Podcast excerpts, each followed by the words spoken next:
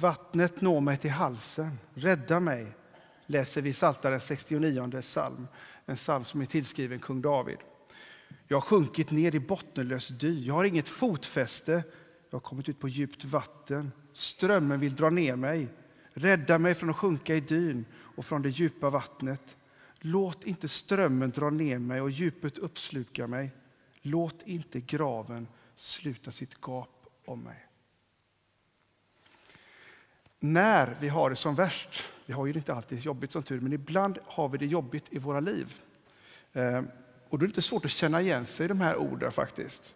Vi kan ha det jobbigt eh, med våra relationer på olika sätt. Relationer vet vi att det är något av det viktiga, det är ju allt vi lever för egentligen.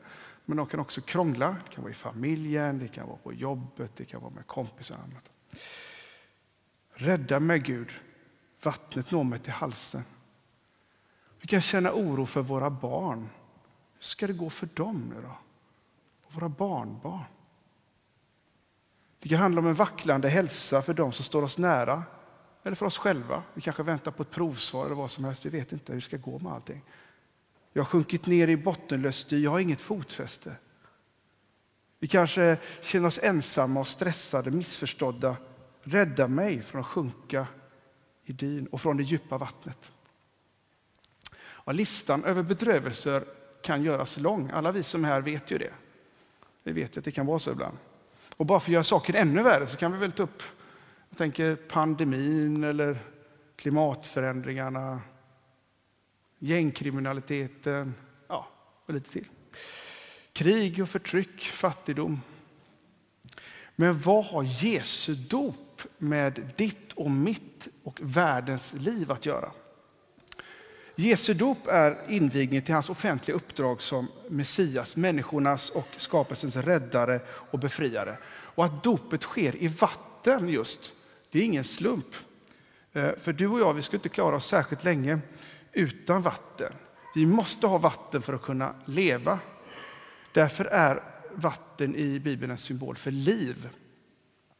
Och när kung David i Bibelns Psaltare ger ord åt sin längtan efter Gud är det helt naturligt för honom att tala om en törst. Gud, min Gud, dig söker jag, min själ törstar efter dig. Min kropp längtar efter dig som ett kargt och uttorkat land. Jag sträcker mina händer mot dig, öppnar mig som törstig jord. Men samtidigt som, eh, är det inte för bra med för mycket vatten, det vet vi också, eller hur? Översvämningar kan leda till död och förintelse. Eh, och eh, vattnet är också en symbol för död i Bibeln. Samme kung David som längtade efter Gud som en törstig jord ber i sin förtvivlan, låt inte strömmen dra ner mig och djupet uppsluka mig. Låt inte graven sluta sitt gap om mig. Så vattnet är alltså i Bibeln en symbol för både liv och död. Och Det är därför vi döper i vatten. och så. Det sägs att skottarna döpte i whisky ett tag. Jag vet inte hur det är med det, men det ska vara vatten. För just den här tydliga symboliken. Vatten är också symbol för rening och rening från smuts, elände och så. Det är inte så konstigt. Vi har alla upplevt hur välgörande det kan vara att ta en dusch ibland, eller hur? Eh, och I tidsbrevet läser jag om dopets vatten som det bad som återföder och förnyar genom den heliga Anden. Ibland har jag fått fråga, sig, ja, men alltså, det står ju ingenting om en treenig Gud i Bibeln. Det är något som ni kristna har hittat på, det finns inte. Alltså, treenig Gud. Men faktum är att vid Jesu dop så är det ganska tydligt, då är, det så här, då är treenigheten på ett tydligt sätt där, tycker i alla fall jag och många med mig. För då är det så, Fadern i himlen, Guds son står i flodens vatten och den helige anden i form av du. Där är liksom treenigheten manifesterad. Eh, men när Jesus skulle döpa så var det något som inte stämde.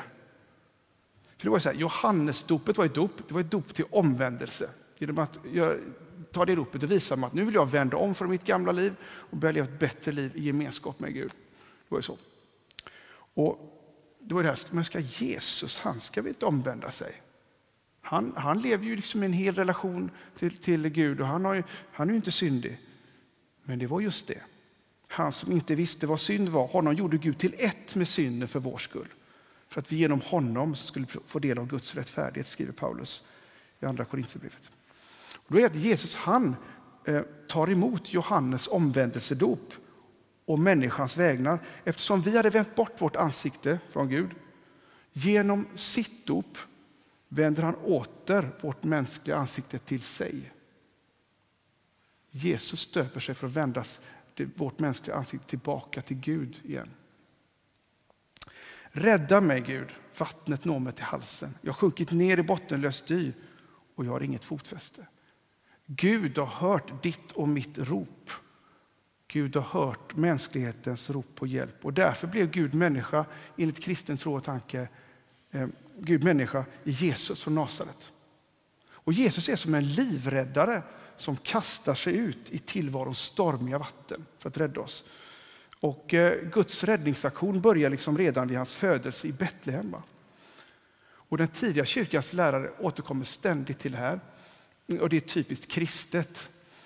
Alltså, Gud kan bara rädda, eh, rädda oss från det han själv har tagit på sig och blivit ett med. Gud måste själv bli ett med döden, den brustna relationen till Gud, med eländet. Det är det kristna förstås. Det är så Gud kan rädda oss. Gud måste alltså själv bli människa för att kunna rädda människan. Det är liksom kristendom i dess prydno. Gud måste börja om från början, från ett embryo i Marias mage eh, till bebis, till en vuxen person och någon som till slut blir avrättad på ett kors och går in i döden. Så att Gud har också dött, också antagit döden i kristen tro och förvandlat den. Och för den tidiga kyrkan, den odelade kyrkan, så hängde krubban i Betlehem. Krubban har borta. Alltså, Jag har tittat så den har stått där hela tiden. Den har stått där. Krubban och korset hängde ihop som en enhet. Liksom. För oss i västkyrkan blev det sen bara korset. Och det är, alltså, men från början var både krubba och kors. Gud blir människa för att rädda oss, lever vårt liv, dör vår död. Och det finns ett, ett fornkyrkligt möte, koncilium, som heter 451 i Kalsedon där man slår fast att Jesus Kristus är Gud och människa fullt ut. Och det är också sådär typiskt kristet och annorlunda i religionernas värld. kan man säga. Eh, han är sann Gud och sann människa utan sammanblandning eller åtskillnad. Och vad menar man då med det? Och jag försökte hitta en bild. Och man kanske kan tänka sig så här, den bästa bild jag kommer på, det är att Gud och mänskligheten liksom kramar om varandra i Jesus Kristus. Det är därför Jesus blir så viktig för kyrkan och för kristna. I Jesus Kristus kramar liksom Gud och människa om varandra på ett sätt som ingen man kan inte skilja oss åt längre. Och då händer någonting nytt, avgörande. Det gör att Gud är som en livräddare som kastar sig ut i tillvarons stormiga vatten för att rädda oss undan döden, undan vår trasiga relation till Gud och människor för att ge oss liv och liv i överflöd. Och ingen av oss kan med vårt intellekt förstå detta mysterium fullt ut. Men vi kan öppna våra hjärtan och älska Gud tillbaka. Och vi kan göra det genom att fira gudstjänst, ta emot mässan, läsa Bibeln och be. Genom att i ord och handling leva i kärlek till Gud och varandra.